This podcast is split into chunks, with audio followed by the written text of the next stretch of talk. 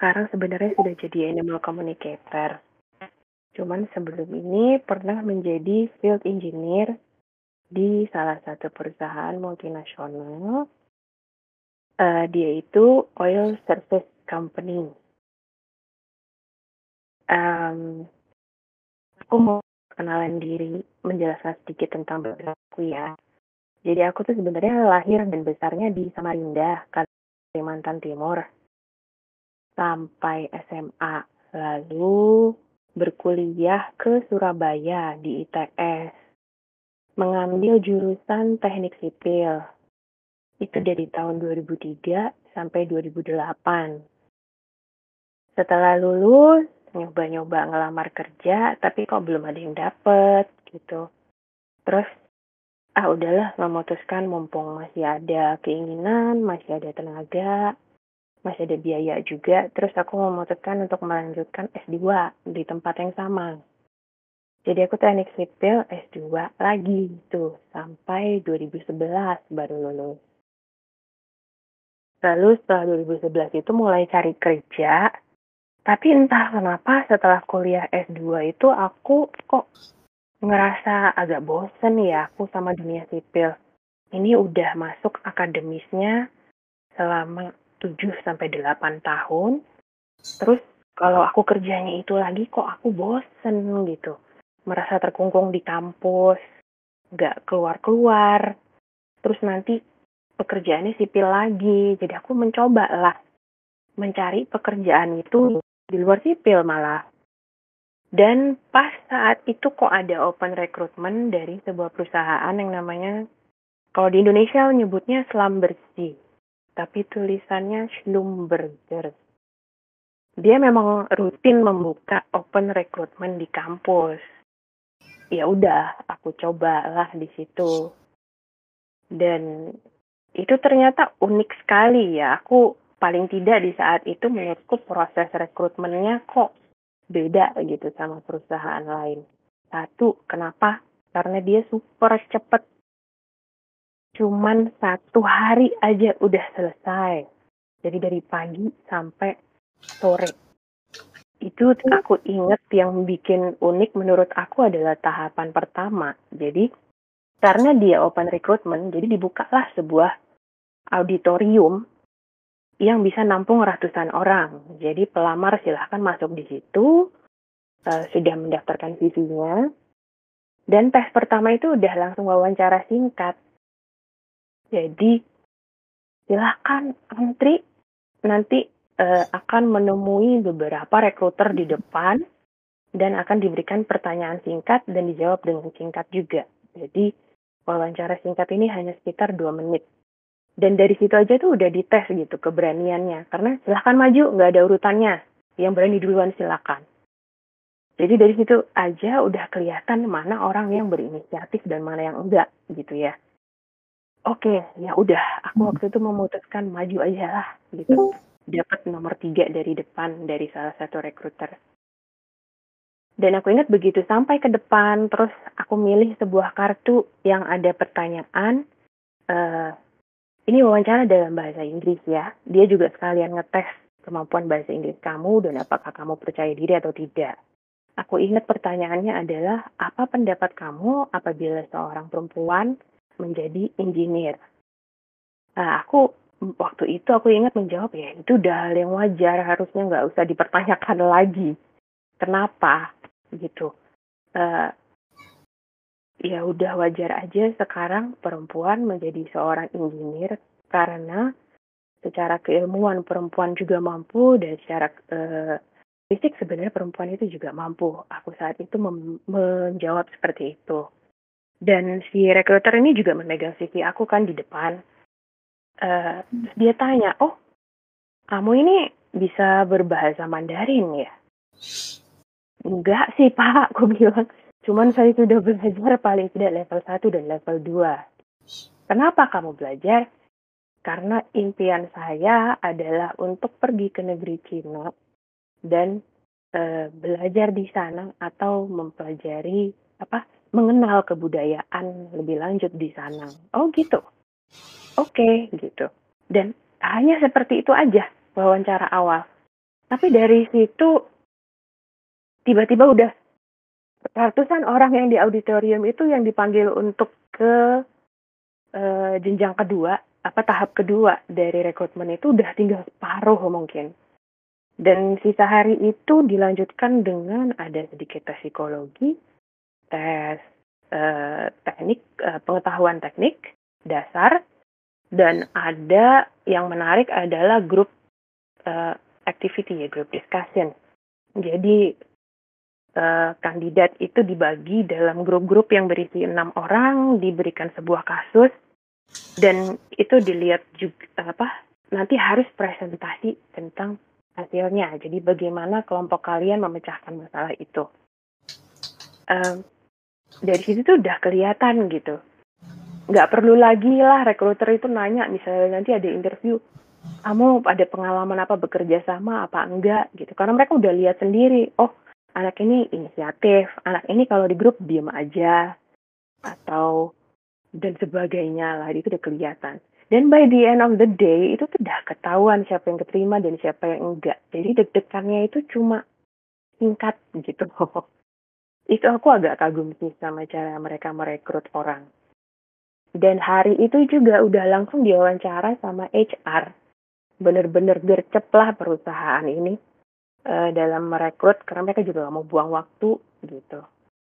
Oke, jadi akhirnya masuklah aku ke salah satu itu ya kandidat itu dan selang beberapa waktu dipanggil interview user dan akhirnya dapatlah penempatan. Jadi rupanya karena aku diwawancara di awal dan aku bilang aku cita-citaku adalah pergi ke Cina, aku dapat penempatan di Cina. Ya, oh, jadi kayak Bang Jun juga nih manifestasinya tercapai gitu. iya, jadi tenang banget sih waktu seneng ya takut gimana pertama kalinya uh, akan pergi ke luar negeri dalam jangka waktu yang lama dan udah langsung untuk kerja lagi. Padahal ini pekerjaan pertama banget. Jadi ya deg-degan tapi seneng tapi ya udahlah dilakuin aja gitu. Nekat-nekatan. Terus uh, apa namanya? itu awal aku ngelamar ke sana sebenarnya aku tuh nggak tahu loh apa yang aku lamar karena kan aku uh, modalnya hanya aku bosan sama sipil aku pengen keluar dari situ. Dan perusahaan ini menerima uh, lulusan jurusan teknik apa pun. Jadi oke okay lah ini aku masuk. Setelah keterima baru aku belajar aku nih bakal ngapain sih gitu. Jadi eh sorry. Aku tuh baru belajar kalau ternyata ini tuh berbeda uh, antara oil company, ada yang namanya oil company dan ada yang namanya oil service company gitu. Jadi, oh ternyata yang aku masukin ini yang kedua, yang oil service company. Jadi bedanya apa gitu? Oh ternyata kalau oil company aja itu mereka tuh adalah yang memegang hak untuk mengeksplorasi sebuah lahan di sebuah negara lalu mengeksploitasi hasil buminya dari situ gitu. Mereka tuh pemegang hak. Sementara yang aku masukin ini oil service company. Mereka itu adalah perusahaan yang memberikan jasa terhadap para oil company supaya mereka bisa me mengeksplorasi, mengeksploitasi produksi dari lahan tersebut gitu. Oh, jadi ini. Oke okay lah, oke. Okay. Pelajaran pertama, baik. Berarti aku masuknya oil service company ya, gitu. Uh, dari situ juga udah mulai belajar nih. Oke, aku ditempatkan di Cina, posisinya sebagai wireline field engineer. Nyari dong, wireline ini apa? Ternyata wireline itu artinya kabel. Sesederhana itu, kabel. Kenapa kabel? Oke, akhirnya aku belajar lagi. Kenapa dia kabel? Ternyata eh, ada sebuah proses dari se sebuah lahan ini mulai dari awal sampai awal ditemukan sampai akhirnya dia nanti bisa diproduksi minyak dan gasnya. Jadi dari awal disurvei dulu, ditentukan titik drillingnya setelah itu dibuatlah uh, sumur ya kita bilang atau well. Itu di drilling sumurnya. Setelah di drilling kan perlu tahu data yang persisnya di dalam itu ada apa aja sih. Dan ada apanya itu di kedalaman berapa gitu. Nah, itulah rupanya tugasnya wireline field engineer. Kamu ke sana, kamu mengoperasikan alat yang uh, dari segmen kamu, dari divisi kamu, untuk mendapat data-data tersebut sesuai requestnya para oil company. Kita nyebutnya oil company itu client gitu. Oh oke, okay. jadi seperti itu ya. Mm -mm. Terus uh, akhirnya aku mulailah bekerja uh, penempatan penempatan di Cina. Tapi enaknya dari perusahaan ini adalah trainingnya banyak. Jadi mereka berani merekrut para lulusan dari jurusan teknik mana pun itu karena mereka bakal mendidik ulang orang-orang ini para uh, pegawai baru ini supaya berada di satu pengetahuan yang sama. Jadi awal masuk itu ada seminggu pelatihan uh, awal gitu ya mengenai perkenalan dunia oil field, mengenai safety dan mengenai uh, apa sih uh, perusahaan itu tuh terdiri dari apa aja, lokasinya di mana dan bla bla bla. Itu kita satu minggu barulah itu kamu dikirim ke lokasi masing-masing. Di situ aku mulai belajar melihat langsung pekerjaan itu seperti apa. Oh ya ampun, ternyata lumayan juga ya gitu. Uh, tuntutannya pantas kok ini uh, diinginkan banyak orang untuk masuk sini. Tuntutannya banyak tapi rewarding juga. Jadi aku mulai ngelihat kerjaanku mulai ikut ke lapangan tentunya karena pekerjaannya sebagai field engineer kenal dengan ritme pekerjaannya kenal dengan orang-orangnya agak kaget sih cuman uh, ya lumayan enjoy gitu. Um, jadi aku pertama kali ke sana aku dikenalkan dengan apa yang selama ini aku hanya melihat di gambar aja. Oh, jadi ini toh alat-alat yang bakal aku pakai, lingkungan kerjanya seperti apa, dan apa aja yang dilakukan. Jadi, eh, tugas utamanya dari Wireline Field Engineer ini ada tiga. Yang saat pertama itu adalah siap-siap di base. Jadi siap-siap itu mulai dari apa ya alat-alatnya dicek kesiapannya gimana, apa aja yang harus dibawa, berapa banyak, dan lalu juga orang-orangnya yang terlibat di dalamnya itu mesti uh, ikut semua dalam proses persiapan dan lalu tentu ada ada briefing untuk menyamakan pengetahuan satu sama lain antara kita kru di bawah dan juga uh, manajer gitu. Jadi tipikal dari satu pekerjaan itu akan ada satu orang engineer didampingin dengan beberapa orang kru. Jadi selalu tim kecil. Jadi setelah semuanya siap, tim kecil ini akan pergi nih ke hmm. lokasinya klien, tergantung klien manggilnya di mana. Ya kita ke situ, terus kita melakukan tugas kita, yaitu tadi e, memetakan apa sih yang ada di dalam sumur itu sesuai dengan kedalamannya. Nah, setelah itu juga kita akan balik lagi. Nah, tantangannya di sini karena tantangan terbesarnya adalah karena kita tuh bekerja di tempatnya klien yang selalu akan e, berbeda, yang kita nggak tahu kondisinya bagaimana, dan biasanya ya kalau e, sumur minyak ini karena eksplorasi lokasinya nggak akan di tengah kota. Jadi pasti di tempat-tempat yang terpencil. Nah di situ juga eh, kita ada tantangan juga nih untuk mengukur waktu. Jangan sampai terlambat sampai di sana. Dan sampai di sana kalau ada apa-apa itu tuh kita nggak bisa ngakses ke kota loh karena biasanya udah nggak ada sinyal. Ya seperti itu. Jadi warning engineer ini perlu sebuah kemampuan problem solving yang tinggi, kemampuan komunikasi sama kliennya juga mesti bagus, kemampuan komunikasi ke tim sendiri juga mesti bagus gitu. Dan mesti banyak akal aja gitu. Kayaknya juga mesti kreatif gitu. Karena keadaan di lapangan tuh bisa berubah kapan aja dan eh, nggak uh, ketebak sama sekali. Uh, gitu dan ini tempat contoh tempat kerja aku tipikal di darat itu seperti ini. Jadi yang di tengah kayak tower tinggi itu namanya rig sumurnya tuh letaknya ada di bawah situ. Jadi itu di drilling dan lalu nanti diambil datanya. Udah ketahuan di mana nih letak minyaknya letak gasnya. Baru setelah itu nanti diproduksi atau diambil sampel gitu. Tempat lain aku bekerja ini kalau di darat, ini namanya offshore rig. Ada macam-macam. Ini kalau pernah nonton film Deepwater Horizon, itu mungkin akan lebih jelas melihatnya.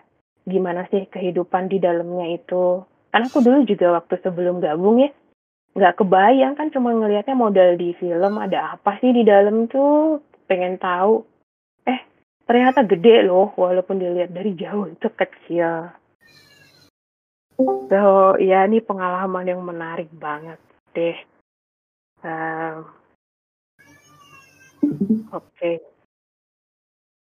apalagi ya? Oke. Okay.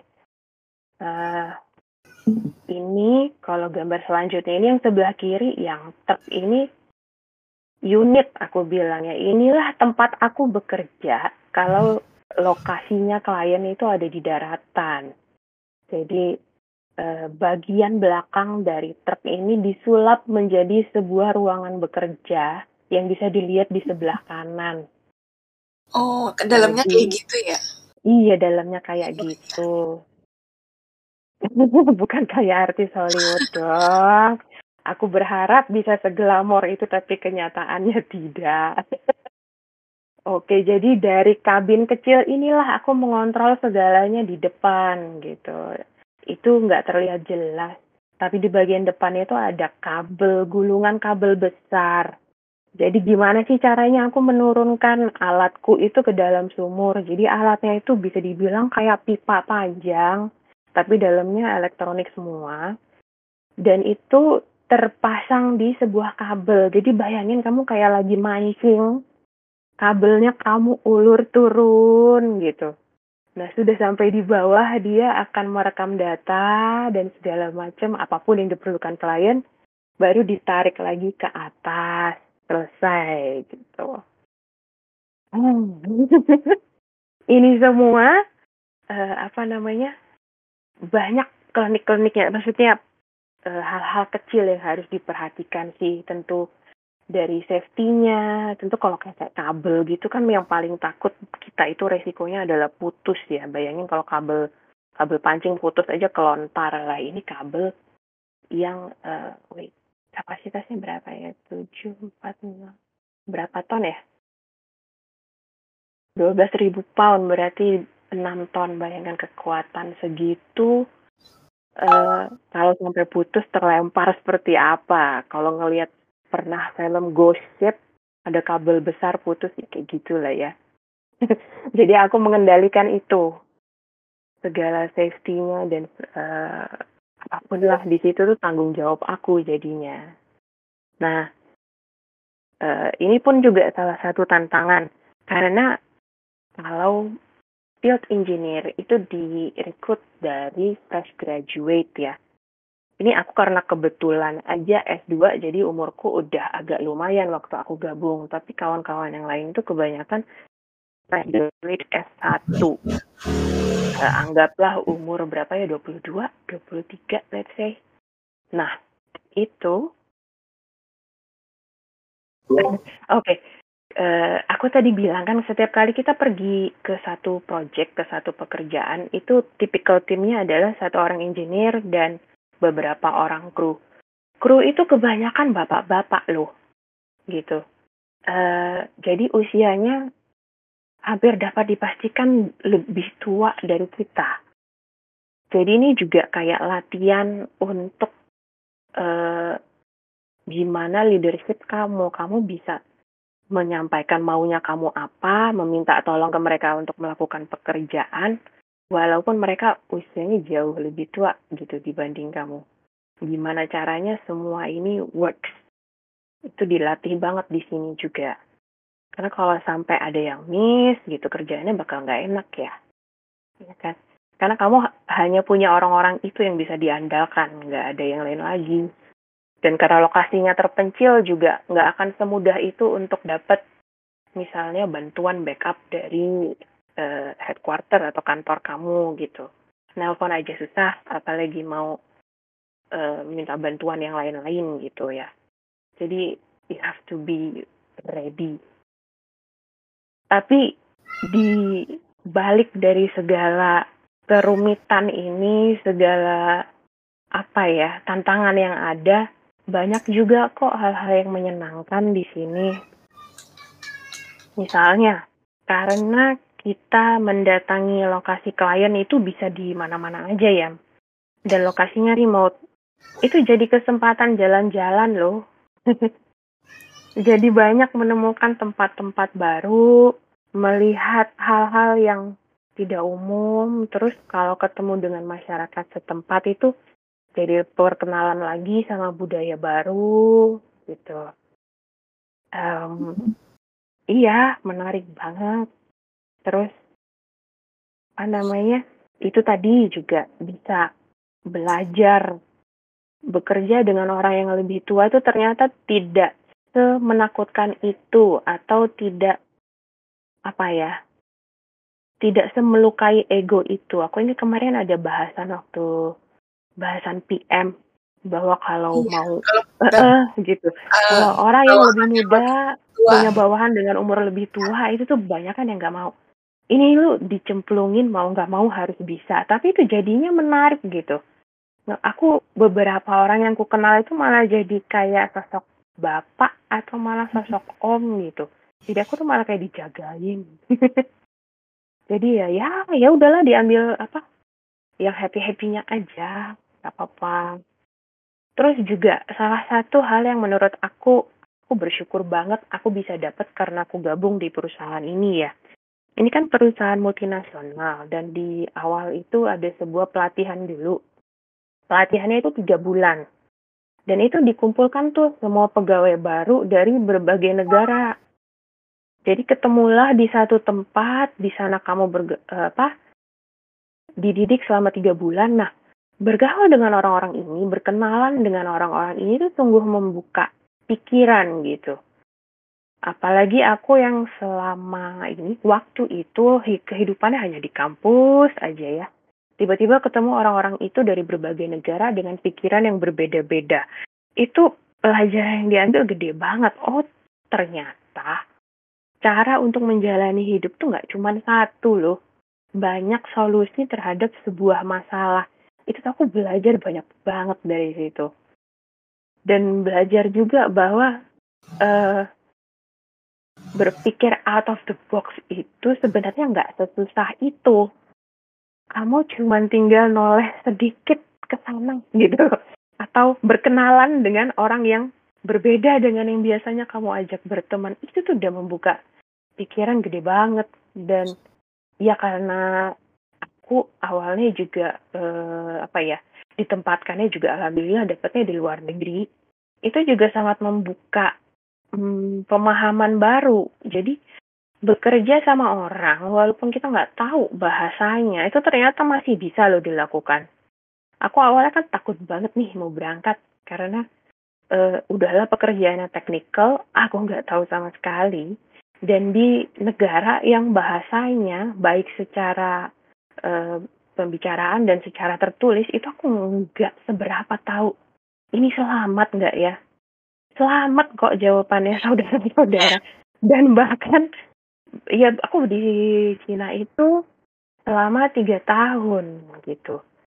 Dan akhirnya malah aku menemukan bahwa orang-orang yang terbaik yang selama ini pernah aku kenal dalam hidup itu ada di situ ternyata gitu. Di negara yang selama ini aku nganggapnya kayak aduh aneh banget atau nggak kepikiran banget aku bisa tinggal dan kerja di situ gitu. Jadi ya ini salah satu take juga yang aku mau share ke teman-teman kalau misalnya pengen nyoba di bidang ini tuh coba aja dulu gitu. Udah nggak usah takut coba aja. Pasti ada jalannya. Udah Ini modal berani aja dulu udah gitu. tertarik nih kayaknya pengen coba. Pingin kerja iya. Oke ada pertanyaan kah oh ya ini aku salah satu ini foto harus diselipkan foto jadi ini aku waktu berapa ya sekitar enam bulan setelah bergabung kayaknya. Jadi aku ke sebuah lokasi di mana lokasinya itu di atas bukit-bukit. Seperti itulah pemandangannya.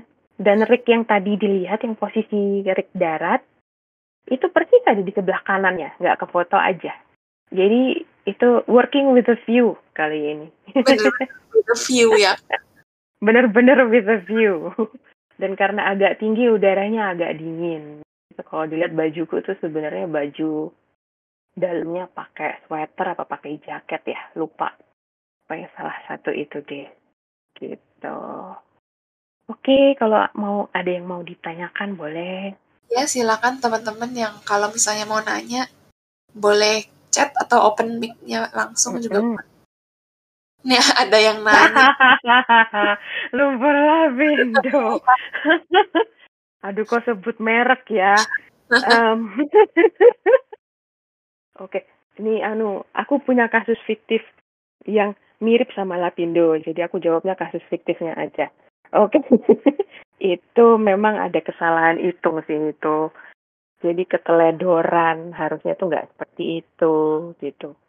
Em, apa namanya? Itu agak-agak mirip sama eh, kasus Deepwater Horizon kali ya. Secara tidak sengaja apa yang di dalam bumi itu keluar tanpa bisa dikontrol. Padahal harusnya itu terkontrol, sudah ada hitungannya. Cuma kalau ditanya miss-nya di mana, aku tidak tahu. Orang yang terkait di dalamnya lah yang tahu gitu. Mbak Wulan nanya pengalaman training ke mana aja? Udah main ke negara mana aja dengan dali training. Oke, training resminya tadi yang aku bilang eh, training awal tentang safety dan perkenalan perusahaan itu di Malaysia. Terus training yang tiga bulan di awal itu aku dapat di Oklahoma, Tulsa. Lalu, iya ini menyenangkannya dari perusahaan ini dia tuh hobi banget training orang. Jadi kayak setahun sekali ada aja trainingnya.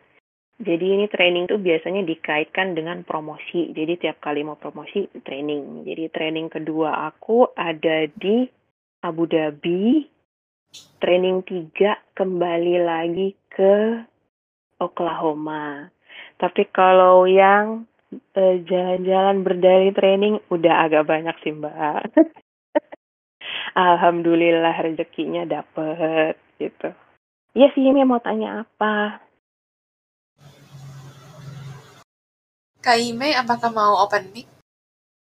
Halo kak, mau tanya kalau eh jadi kan tadi kan ada oil service company sama oil company gitu kan. Nah, yang mencari di situ ada sumber minyaknya itu itu dari oil service company-nya berarti.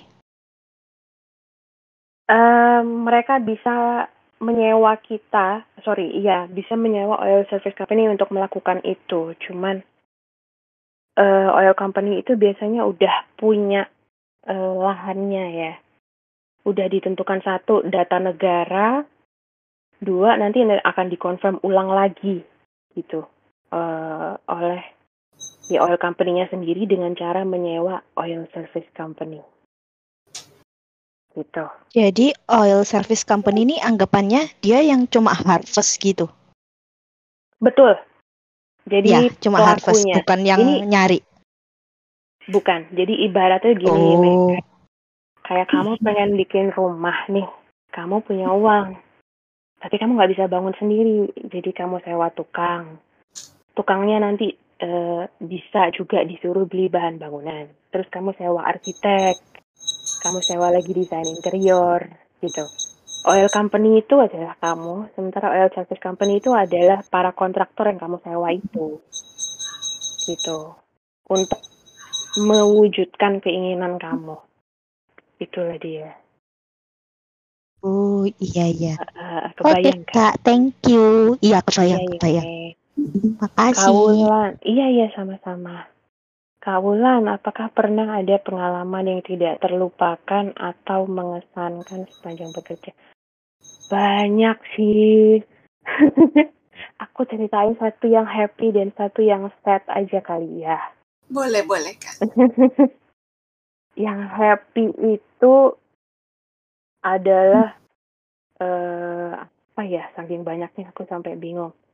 Bisa jalan-jalan itu ya sama yang pastinya aku nemuin saat apa ya persahabatan gitu di tanah asing itu bagi aku spesial banget. Jadi dari orang yang nggak bisa connect sama sekali terus tahu-tahu sampai dapet sahabat di dunia itu yang mengerti otak pikiranku dari segi kerjaan maupun dari segi main-main itu luar biasa banget buat aku. Tuh, terus kalau pengalaman nggak enaknya,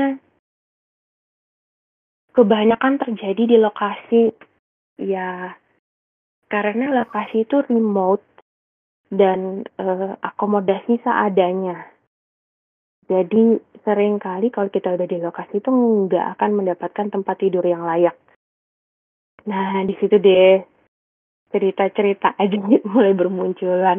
Tidur ngemper di lantai atau di kendaraan. Kalau bisa dapat di kendaraan itu udah untung banget tuh. Seringkali nggak tidur. Jadi pekerjaan ini emang cukup demanding ya. E, begitu udah mulai itu operasinya 24 jam nggak akan putus. Jadi kalau operasinya panjang mungkin engineer-nya akan dikirim dua orang. Tapi kalau pas lagi nggak ada orang kamu sendirian ya udah. Operation 24 jam ya 24 jam kamu melek gitu. Nggak bisa tidur.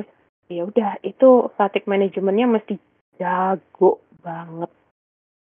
Gitu. Itu sih kayaknya yang berkesan tidak baik dan berkesan baik dari pekerjaan sebelumnya itu. Kak selanjutnya ada nanya lagi. Ada Gimana? yang nggak pertanyaan dari Kak Afina. Kak Afina aku satu-satu kali ya sel ini ada di atasnya Afina what do you think Ini dia jawab pertanyaan yang tadi, yang Kak Ime kayaknya deh. Hmm. Ini bukannya nanya dari sisi manajemen report ke siapa. Terus satu plan berapa tim, saling bantu engineer berapa orang. Iya, itu Pak Afina kan?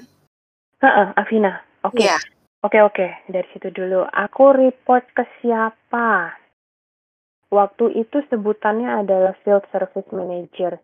Field service manager ini posisinya di town. Eh, dia sehari-hari akan ketemu dengan engineer, tapi begitu uh, engineer udah berangkat ke lokasi, ya dia memantau dari jauh aja. Cuman dia bertanggung jawab atas uh, hasil pekerjaan kita. Jadi kalau sampai ada apa-apa di lokasi, failure atau maupun ada kesulitan yang lain, dia yang tanggung jawab. Oke, kebetulan juga engineer wah sama gitu. Satu plan berapa tim? Kalau Warline itu eh, sekitar empat, satu orang engineer dan tiga orang kru. Atau kalau pekerjaannya lebih rumit bisa ditambah dua engineer dan lima kru. Sekitar itu biasanya. Paling bantu engineer berapa orang? Oh ya, eh, biasanya dua maksimum. Karena kita bisa shift-shiftan jadi gantian bangun, gantian tidur. Kelihatannya tanggung jawab berat banget kan kalau sendiri takut. Ya itulah tantangan pekerjaannya memang itu yang dilatih. Kamu mesti bisa berani gitu. Terus gimana caranya berani? Ya udah, berarti kamu eh, harus cukup pengetahuan teknikalnya, cukup pengetahuan komunikasinya. Insya Allah selamat sih di sana. Oh, sama kreativitas. Begitu ketemu masalah tuh jangan apa ya? Jangan kaget dulu, jangan gimana. Semua masalah pasti ada penyelesaiannya. Tinggal kita seberapa kreatifnya untuk mengatasi masalah itu. Terus bagaimana Kak Julia manage kerja sebagai orang engineer? Manage kerja. ini maksudnya gimana ya? Eh, pengaturan waktunya kah? Kalau pengaturan waktu di lokasi itu tadi eh, bisa shift-shiftan. Atau kalau terpaksa harus pergi sendiri, berarti preparationnya yang harus dikencengin. Jadi eh, setiap kali kita pergi, walaupun lokasinya berbeda, kondisinya berbeda, tapi ada beberapa hal yang eh, udah pasti terjadi. Ad, kita udah bisa merancang dari awal kira-kira yang terjadi ABCD gitu. Jadi preparationnya aja yang mesti diperkuat, segala skenario dipikirkan, peralatannya jangan sampai ketinggalan, dan kalau perlu ya belajar lagi itu nanti alat yang mau dijalankan itu eh, bagaimana caranya dan gunanya apa. Jadi kalau tiba-tiba nanti klien minta ABCD, kita tinggal modif dikit aja, modif dikit aja. Itu sih caranya memanage supaya tidak terlalu terasa overwhelming. Mesti kreatif Dan- juga ya kak. Betul, dan itu juga eh, dengan tambahannya jam terbang jadi semakin luas kok. Jadi nggak masalah. Awal-awalnya aja yang masih kerasa kayak gugup, aduh nggak tahu mesti ngapain. Terus memang bisa dimengerti sih kalau misalnya nanti udah sampai sana atau tahu kegabrukan eh, tanggung jawab gede itu aku mesti gimana gitu. Tuh. Perasaan itu akan lewat. Lanjut ke Teja ya, oil company yang punya lahan bukan. Oil company itu punya hak untuk mengeksplorasi daerah situ. Yang punya lahan ya negaranya masing-masing. Gitu. Tetap milik negara kok. Apalagi di Indonesia kan hajat hidup orang banyak dikelola oleh negara ya. Rama, kalau pulang setiap kapan? Nah, ini beda-beda. Ada skemanya yang tetap. Jadi misalnya kayak suami aku nih dia kita kebetulan bertemu di perusahaan yang sama jadi dia pekerjaannya juga sama masih field engineer. Kalau dia perginya sebulan pulangnya sekitaran seminggu seperti itu. Tapi ada juga lokasi lain yang menerapkan jadwal fix eh, delap delapan tiga ya betul. Delapan minggu bekerja dan tiga minggu libur. Gitu gitu uh, rotation istilahnya jadi udah ketahuan kapan kamu kerja kapan kamu libur. Jadi kalau libur ya manfaatkanlah untuk beristirahat. Mesti siap tidur bambung di mana saja ya? Oh iya mbak. Iya banget Bambung ya suka duka. Bambung itu mengemper apa ya? Emper. jadi kayak agak gembel gitu. Bener sih. Emang iya. Sambil nonton drakor wah iya kalau pekerjaannya panjang itu salah satu modal yang dibawa sebagai hiburan. Jadi kalau lokasinya terpencil nggak bakal ada internet. Jadi sebelum pergi itu mesti nabung film. Download aja dari berbagai sumber dibawa ke sana. Dan itu juga menjadi kayak semacam mata uang ya di lokasi. Eh kamu punya film apa? Nanti ku bantu ini deh gitu. Itu jadi semacam currency loh jadi iya betul. Drakor salah satunya. Berarti agak terisolir banyak cinlok nah ya ini tadi disebut. Suamiku juga field engineer. Betul ada cinlok ini. Akhirnya dapat jodohnya di situ. Wih, the power of kepepet ya buat JSA. Oh iya dong. Tapi itu baru terjadi ketemu namanya JSA itu sejak pindah ke Indonesia ya. Eh, JSA berkenalan Job Safety Analysis. Jadi itu adalah sebuah lembar di mana kamu menulis tahapan pekerjaan kamu apa aja, Oh, terus resikonya apa aja, terus cara memitigasinya gimana gitu. Dan sebelum pekerjaan itu mesti dipresent ke semua orang dan disetujuin gitu. Jadi nanti itu meminimalisir resiko yang ada jadi nggak kaget-kaget kalau ada apa-apa gitu. Udah tahu mesti ngapain. Manage kerja yaitu tentang skenario-skenario. Makasih, oh udah kejawab, oke. Lalu sa- salah satu masalah yang pernah didapetin, terus problem solvingnya gimana? Eh, aku kasih dua deh kalau eh, problem solving. yang paling sering terjadi ya toolnya rusak. Secanggih-canggihnya alat dari perusahaan tetap buatan manusia ya. Jadi tetap ada rusaknya. Nah itu tuh kita mesti eh, satu loket dulu ini permasalahannya di mana karena kadang-kadang itu kan sebuah sistem yang serangkaian ya kita nggak tahu nih salahnya di sebelah mana tapi pokoknya datanya nggak keluar aja contohnya kayak gitu nah itu mesti itu pentingnya eh, pengetahuan teknikal kamu jadi masing-masing alat itu gunanya apa mesti tahu oh jadi kalau problemnya kayak gini kemungkinan besar dari alat yang ini dan ngebenerinnya mesti gimana oh aku cari dulu nih ini kan e, mestinya ada hubungan elektrik dari sini ke sini oh ini ternyata nggak ada bisa diperbaiki di lapangan nggak? Enggak. Oh, biasanya, tapi aku bawa segala macam yang aku bawa pasti ada backupnya. Jadi selalu bawa dua set gitu. Oh ya udah, kalau udah ketahuan ini yang mesti diganti, ya udah aku ganti dengan alat yang dari set kedua gitu. Itu aman.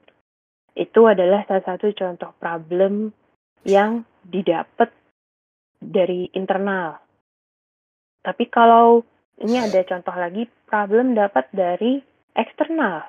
Kita nggak kenapa-kenapa, tapi dapat problem dari luar. E, contohnya, ini baru terjadi sayangnya ya di Indonesia. E, di lokasi sebelumnya aku belum nggak pernah mendapetin ini. Jadi e, di Indonesia itu nggak tahu kenapa kita walaupun tempat terpencil tapi selalu ada masyarakat yang tinggal ya masyarakat yang tinggal di sana itu kalau misalnya lahannya dipakai terutama untuk kepentingan uh, oil and gas, mereka tuh ingin mendapatkan pekerjaan juga. Nah, jadi suka tuh ada masyarakat yang datang minta pekerjaan dan atau apa gitu. Dan sudah sampai di pekerjaan pun, dipekerjakan pun biasanya agak apa ya? Karena ini mm, maaf kalau dibilang mereka tidak mendapatkan pelatihan yang cukup lama mungkin ya. Jadi attitude pekerjaannya pun agak nggak sebaik yang diharapkan gitu. Jadi walaupun mereka sudah uh, punya pekerjaan, sudah digaji secara resmi, tapi waktu kita di lapangan pingin, aduh minta tolong dong, ini uh, barang saya mau diangkat dari titik A ke B, itu dia kayak minta imbalan lagi gitu, imbalan tidak resmi Contohnya misalnya rokok gitu. Itu tuh ada aja yang terjadi kayak gitu. Jadi rintangan sosial.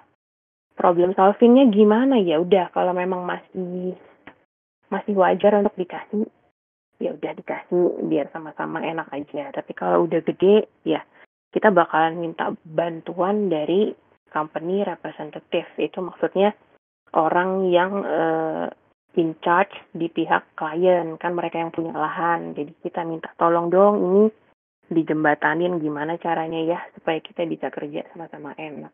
Gitu. Terus ini terus contohnya terus pengalaman yang di Kazakhstan boleh diceritakan lagi oh itu nggak training sih Mbak Wulan itu waktu jalan-jalan jadi nggak apa-apa nanti aja kita cerita lagi di Cepu banyak kilang minyak kecil. Iya, bener. Salah. Di itu Cepu tuh udah tempat produksi ya. Iya, perusahaannya Exxon kalau nggak salah. Nah, betul-betul Yime. Bangun jawab bisnis. Oh, ini dijawab. Ya. Wait, ada pertanyaan lagi kah? Ini aku sambil sembari scrolling. Uh, nyambung, baru ditanya lagi yang dari kita lagi nih uh, yang minta seperti imbalan itu Indonesia doang kah di luar nggak begitu ya itu yang di bawah ada Kak Afina nanya sih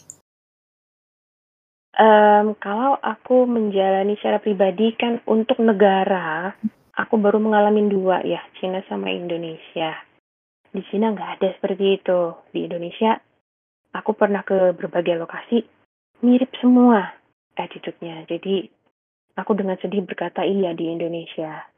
Terus kalau dengar-dengar cerita dari teman-teman yang di luar sih juga agak kaget ngedengar seperti ini. Jadi mungkin mungkin ada sih di negara lain yang aku tidak tahu, tapi so far aku belum ketemu yang lain. Ah, ah. Kristi dulu hampir kerja. Oh, pesan US. Ah, oke. Sayang Kristi. Ah, Yume seminggu kecepu Pertamina liatin kilang minyak happy. Wow, kenapa happy Yume? Wih, di Surabaya. Oh, Surabaya itu nggak ada nggak ada kilang minyak. Maksudnya uh, field gitu. Cuman suami aku tuh suka berangkat lewat sana. Jadi tapi fieldnya itu di atasnya Madura. Atau enggak Surabaya itu jadi tempat transit kalau mau berangkat dari Lamongan ya. Lamongan short ya. Kerjaannya stressful at the time stressful Kristi memang.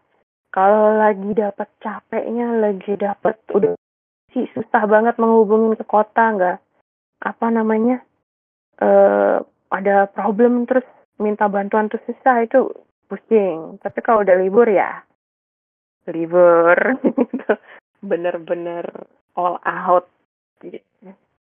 Ini Kak Afina mau nanya lagi nih katanya. Open mic aja Kak. Oke, okay. uh, boleh boleh. Eh sorry, itu katanya mau tanya lagi. Maksudnya tadi katanya kelewat. Oh, oh katanya. Yang mana tuh? Aku. Susah banget sih nama katanya mau nanya lagi ya aku. Iya iya ya, baru nangkep juga. Wait, yang mana pertanyaannya? Itu sih Kak mau tanya yang tadi uh, project di Indonesia doang yang bikin JSA. Bedanya oh. tuh kalau di luar nggak bikin kenapa? Apa nggak perlu persetujuan yang lain atau? Bukan nggak bikin. Itu biasanya udah tercantum kayak di wait apa istilahnya yang dibahas di Prispat meeting itu? Draw drilling on paper. Oh. Ya, okay, jadi okay. udah dibahas di awal banget, udah tercantum di situ dan karena udah tercantum, dianggap udah tahu semua. Jadi e, mereka tuh ingin membuat lebih efisien aja. Di lokasi nggak nggak terlalu banyak yang dilakukan lagi. Ada sih semacam JSA itu kalau merasa diperlukan pengen bikin karena operation yang mungkin agak khusus ya, agak berbeda dengan yang lain itu bisa. Cuman aku melihat kok nggak serumit yang di sini ya, gitu. Simple aja. Uh, dan lebih ditekankan ke safety meetingnya. Itu malah lebih ngenak dibanding yang tertulis. Yang tertulis ada tapi nggak panjang. Gitu. Bukan nggak ada beda bentuk. Beda bentuk benar-benar Oh iya iya. Di Indonesia kayak di detail banget apa di breakdown uh, gitu ya. ada breakdownnya. Uh, somehow paperwork di sini kok iya. menjadi lima kali lebih banyak. Itu aku agak bingung. But anyway it is what it ya sudah dilakukan saja. Tadi Kristi nanya nih, aku baru kebaca. Uh, tantangan paling susah kalau kerja offshore. Aku malah senang offshore, Kristi. Karena apa? Uh, offshore itu bersih, tidak berlumpur. Alasannya sederhana banget ya. Uh, uh, terus uh, toilet lebih terjamin. Ini penting sih buat aku. Kalau di darat itu kadang toiletnya ngasal, tapi kalau di offshore toiletnya beneran dengan flush dan air. It's so good. Cuman memang tantangan terbesarnya adalah offshore itu kan offshore itu sewanya mahal. Jadi udah pasti klien itu akan nge-push kamu untuk bekerja seefisien mungkin, secepat mungkin, tapi masih aman. Nah, jadi kalau sampai nih ada problem, wah, mesti cepet reaksi kamu. Nggak bisa uh, kelihatan kayak, aduh, aku mau baca manual dulu atau mau ini dulu. Nggak bisa ceritanya begitu. Kamu harus udah tahu apa yang akan kamu lakukan. Kamu bilang sama si klien itu, aku mau melakukan A, B, C, D, dan perkiraan waktunya sekian. Gitu. Jadi mereka nggak kehilangan waktu banyak. Memenuhi permintaan klien itu sih, untuk cepat itu yang tantangan terbesar kalau offshore. Misalnya menurutku enak banget offshore. Ini Kak Pristi ada nanya lagi nih. Wait, yang mana? Di bawah paling bar. uh, oil rig gitu ya kak pernah gak kak ada kecelakaan kerja gitu oil rig pernah pernah pernah sih aku tapi yang kejadian besarnya yang terjadi pada aku bukan yang di laut tapi di darat. Jadi kejadiannya waktu itu uh, toolnya aku itu nyangkut di dalam. Jadi bayangin ada sebuah sumur.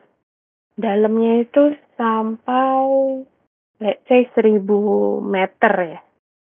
1000 meter. Terus uh, alat aku tuh kan diturunkan pakai kabel yang ku bilang tadi analoginya seperti pancingan. Jadi bayangin kamu nurunin si pancing ini dengan kabel kecil itu ke kedalaman 1000 meter itu tadi padahal sumurnya itu masih uh, apa ya masih berupa bolongan yang bolongan yang gitu aja gitu tanahnya masih gitu kita nggak tahu di dalam itu apakah bolongannya rata kah bener-bener silinder kah? Atau ada yang berbatu-batu ada yang bentuknya gimana gitu itu nggak tahu. Jadi selalu ada kemungkinan tool itu nyangkut gitu. Karena tool kan rigid kayak pipa ya kaku gitu nggak bisa bengkok-bengkok.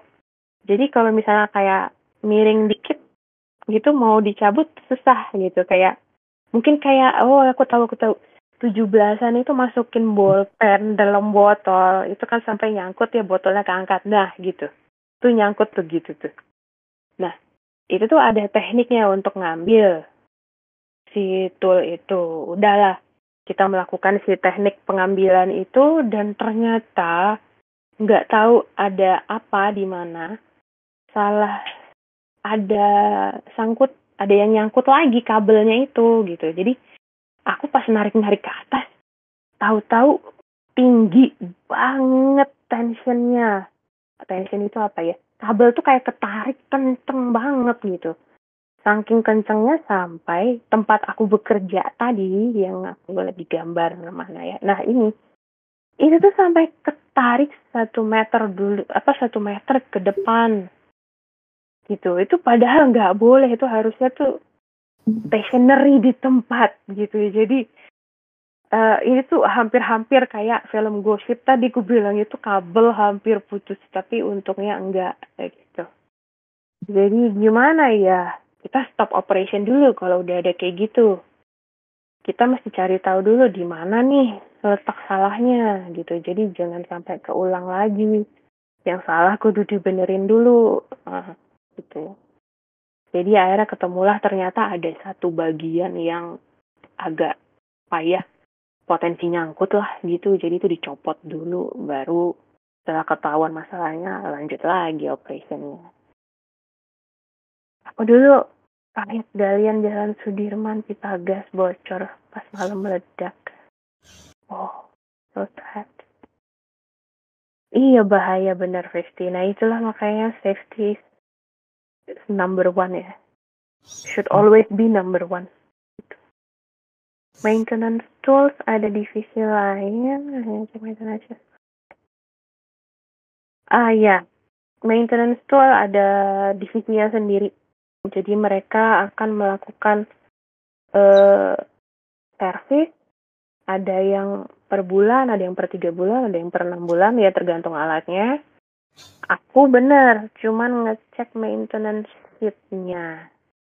Cuman e, kalau ada apa-apa aku juga kayak apa ya akuntabilitasnya tuh masih ada. Jadi aku kadang bisa ngingetin eh ini aku mau bawa barang ini tapi sebentar lagi maintenance-nya udah udah harus dilakukan. Kalau nunggu sampai waktu expiry-nya aku bakal udah di lokasi nih. Jadi bisa nggak di maintenance sekarang? Itu juga bisa. Jadi saling ngecek satu sama lain aja. Uh, terus untuk mastiin semua tuh dalam keadaan baik. Eh, wait, hanya cek maintenance sheet. Oh enggak, sorry sorry, aku ag agak salah nangkep pertanyaannya. Aku akan ngecek maintenance sheetnya, tapi aku juga bakal simulasi dulu sebelum aku berangkat bekerja. Jadi uh, tool itu aku rangkai dan susun seperti kondisi nanti aku mau bekerja di lapangan. Aku tes dulu di kantor, bener-bener jalan nggak sesuai apa yang aku mau kalau udah confirm bagus ya baru aku bawa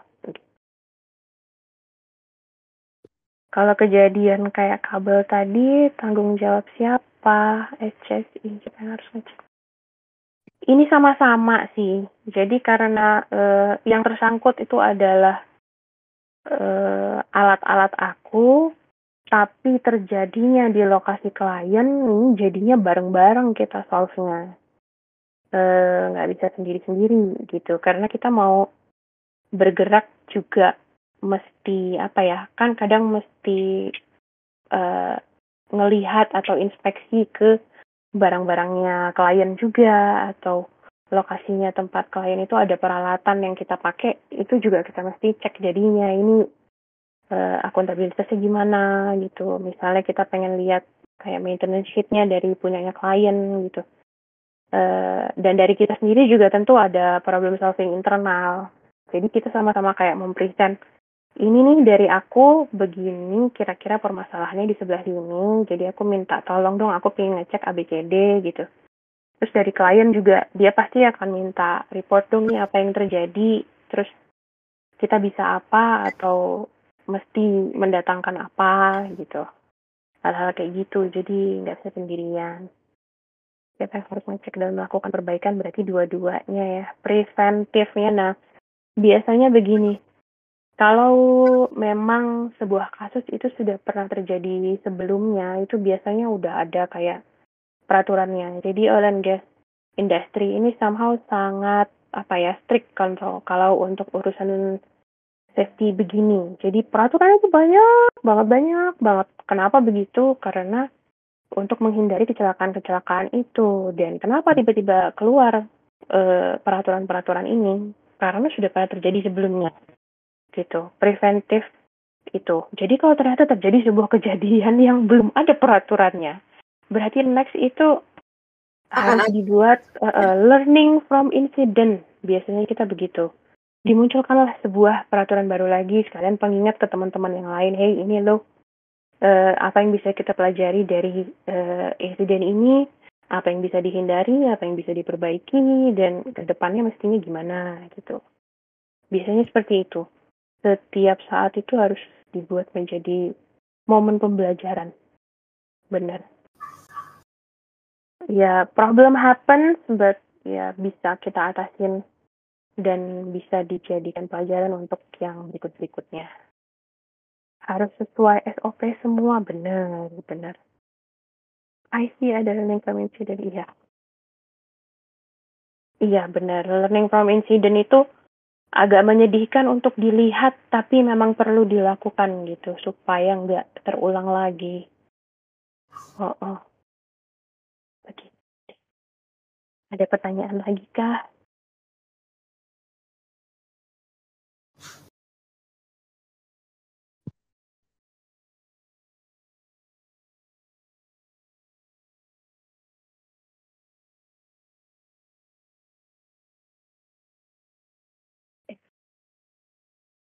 Seru banget di konstruksi building biasanya safety yang ini nah.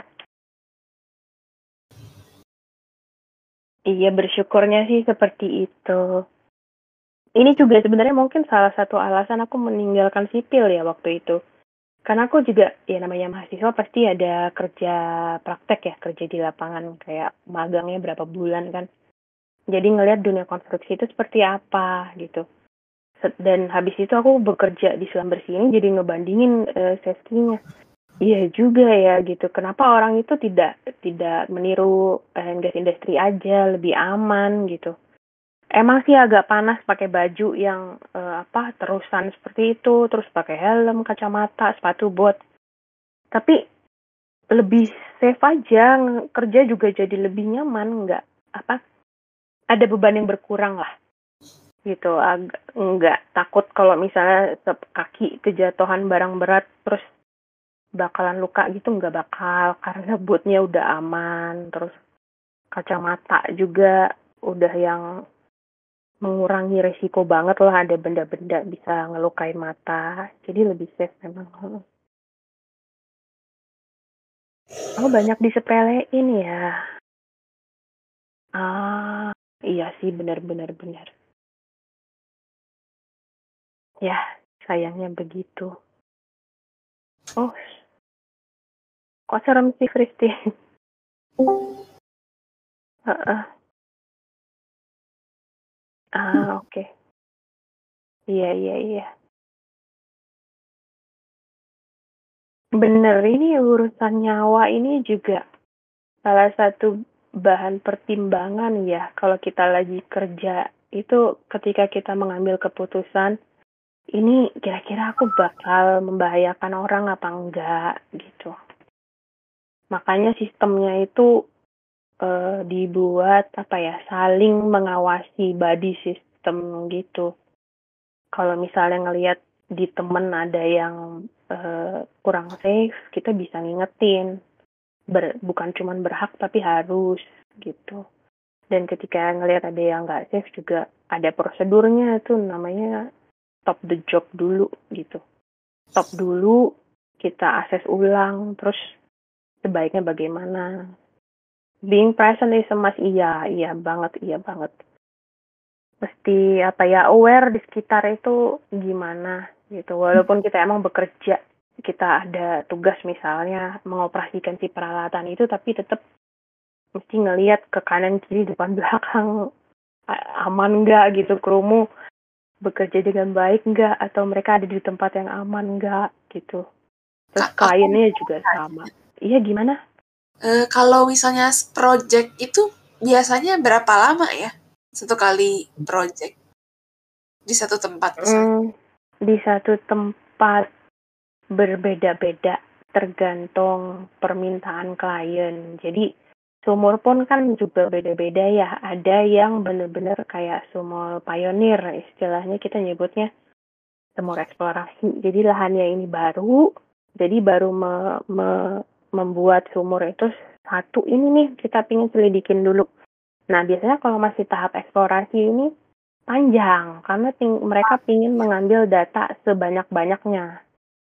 Jadi itu bakal menurunkan berbagai macam peralatan dan tentunya juga memakan waktu lama. Kalau kayak gitu bisa mungkin sekali bekerja 10 hari.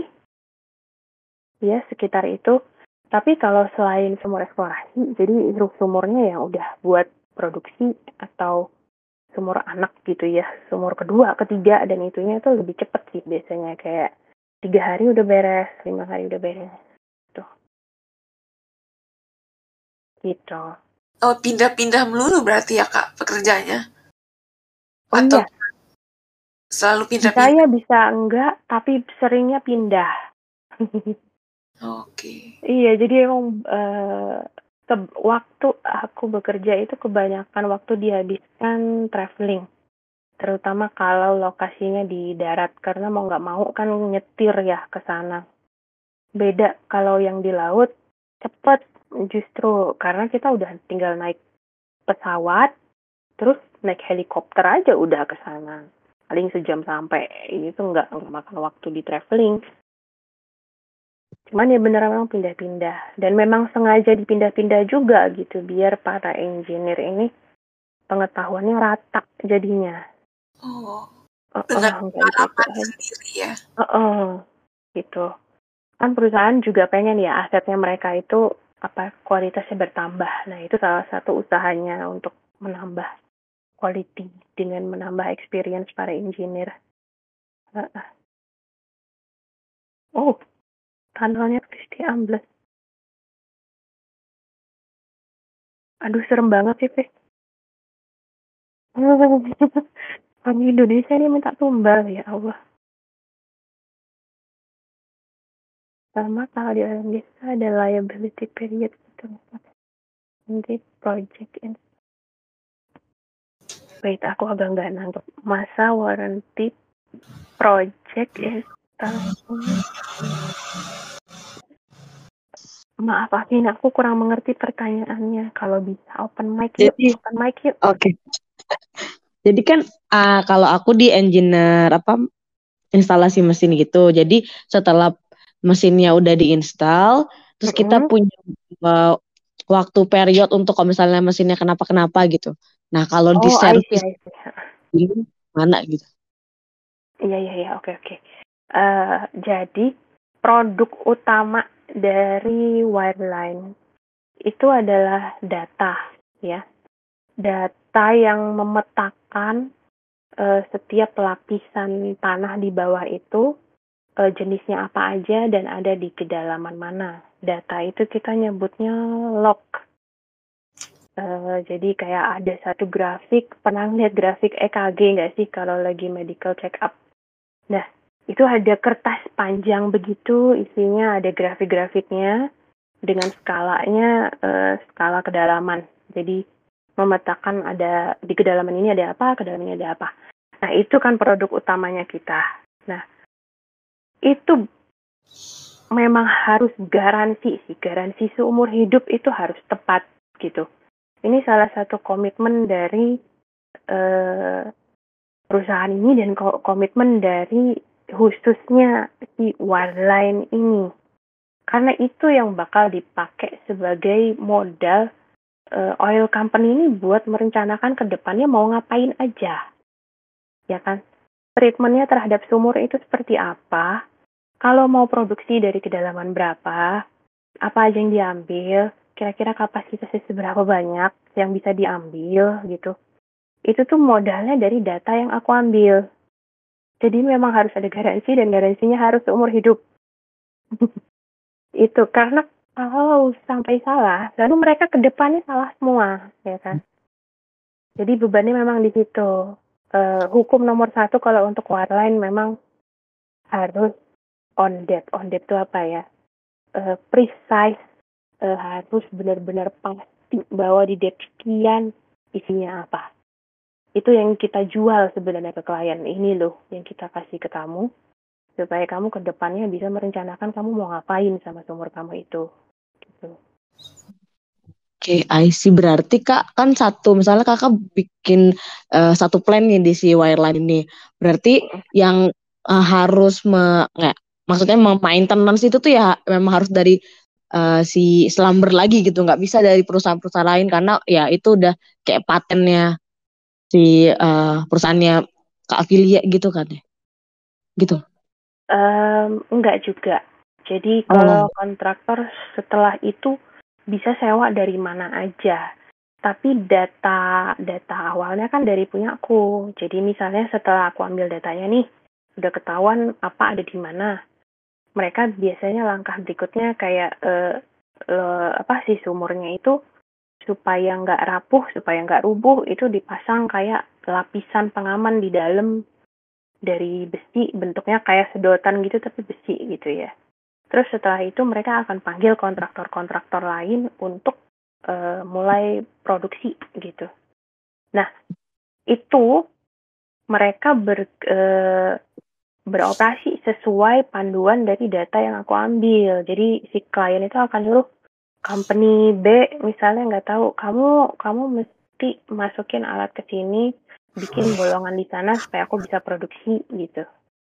Nah, akuntabilitasnya itu tadi, kalau misalnya ternyata mereka e, mencoba memproduksi dari sebuah kedalaman tertentu dan ternyata nggak keluar, itu berarti data aku dipertanyakan. Itulah makanya ada garansi sumur hidup tadi. Cuma kalau pertanyaannya, apakah harus selalu dari perusahaan aku, e, itu e, apa yang dikontrak untuk e, step-step selanjutnya? Enggak.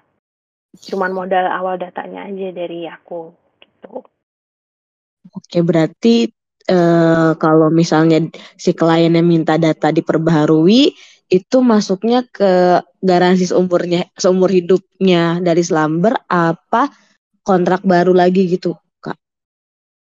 Hmm, kontrak baru lagi sih. Karena apa ya? Wait, uh, pembaharuan data datanya itu akan tetap sama sih dari awal sampai akhir. Jadi kalau data tidak diperbarui, ditambah mungkin, ditambah jenisnya, tapi tidak di uh, diperbarui. Karena kalaupun diulang itu akan sama aja, gitu. Itu juga salah satu garantinya itu tadi, gitu. Mau lima kali ukur juga sama, itulah hasilnya, gitu. Jadi emang salah satu yang dijual trust juga. Uh -uh. Tapi pernah ini nggak kak? Kayak tadi kan katanya kalau misalnya ada apa nggak keluar nih dia mau produksi terus tapi nggak keluar berarti datanya dipertanyakan. Nah kalau itu pernah terjadi nggak selama kakak kerjain di oil dan gas ini? Alhamdulillah tidak terjadi di aku. Tapi mungkin pernah terjadi di orang lain karena ada peraturannya. Biasanya peraturan muncul karena ada sebuah insiden terjadi kan ya. Nah, salah satu peraturan di sana Hmm. itu kita tuh punya yang namanya zero tolerance rule. Jadi hal-hal yang benar-benar udah nggak ada toleransinya lagi lu sampai salah ya udah gitu. Ini ini adalah batas yang nggak boleh ditembus oleh siapa pun. Nah, biasanya kalau kayak gitu ya produksi terus eh, ternyata nggak ada isinya. Itu berarti ada yang salah dengan rekaman kamu dan eh, kedalamannya. Jadi eh, entah salah apa ya, salah setting. Jadi yang harusnya di situ diproduksi, tapi ternyata kenyataannya harusnya semeter di atasnya itu gitu. Jadi pada saat itu mungkin engineeringnya entah ada meleng sesuatu, jadinya datanya tuh miss gitu, tidak berada di kedalaman yang benar. Nah kalau itu pernah terjadi, makanya salah. Waktu diproduksi di titik itu kok nggak keluar, ya ternyata karena waktu direkam datanya ada yang miss gitu. Nah itulah tadi zero tolerance rule. Kalau sampai terjadi bagaimana ya, memang mau nggak mau harus ngambil data ulang dan dipastikan bahwa benar gitu. Jadi konfirmasi ulang apa yang terjadi. Eh, it- aku nggak pernah ngalamin itu terjadi sih ya. Jadi aku tidak tahu tentang eh, pembiayaan. Tapi udah pasti itu bakal diulang lagi. Heeh, betul. Oke. Terima kasih Itu, kak. ta- itu bentuk tanggung jawabnya seperti itu, mengulang lagi pengambilan data itu, begitu. Iya, iya. Oke, siap. Thank you kak William. Iya. Nanya standar-standar SOP atau aturan itu emang punya Schlumberger sendiri. Oke. Schlumberger punya satu set aturan sendiri untuk berbagai hal. Tapi misalnya di sebuah tempat ada punya aturan eh, sendiri atau aturan masing-masing, kebijakan kita adalah mengikuti peraturan yang lebih strict, yang lebih safe. Gitu. Jadi nggak terlalu kaku, salah bukan nggak terlalu kaku. Kita fleksibel memilih aturan yang mana, tapi yang kita pilih ada yang paling aman. Gitu kebijakannya. Betul, ngikutin yang lebih aman. Mm-mm. Ada pertanyaan lagi kah? Atau ada yang mau open mic ngobrol?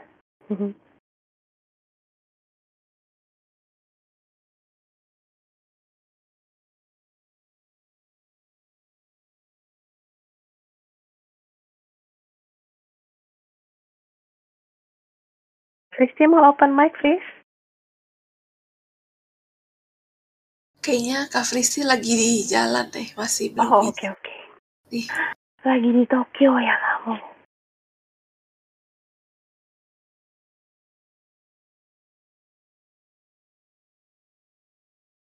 Ah, baru ketemu Guri. Oke deh. Ah, Eh, kalau oke kalau gitu ini recordingnya mungkin aku stop dulu ya. Kita iya bisa bisa. eventnya udah selesai sih. Mungkin kalau mau ngobrol-ngobrol bebas habis ini masih boleh tentu aja. Oke, thank you Anna.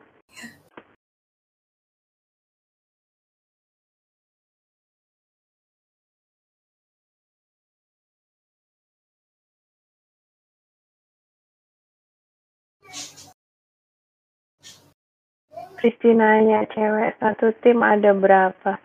Biasanya sendirian sih Fris. Bahkan satu rig pun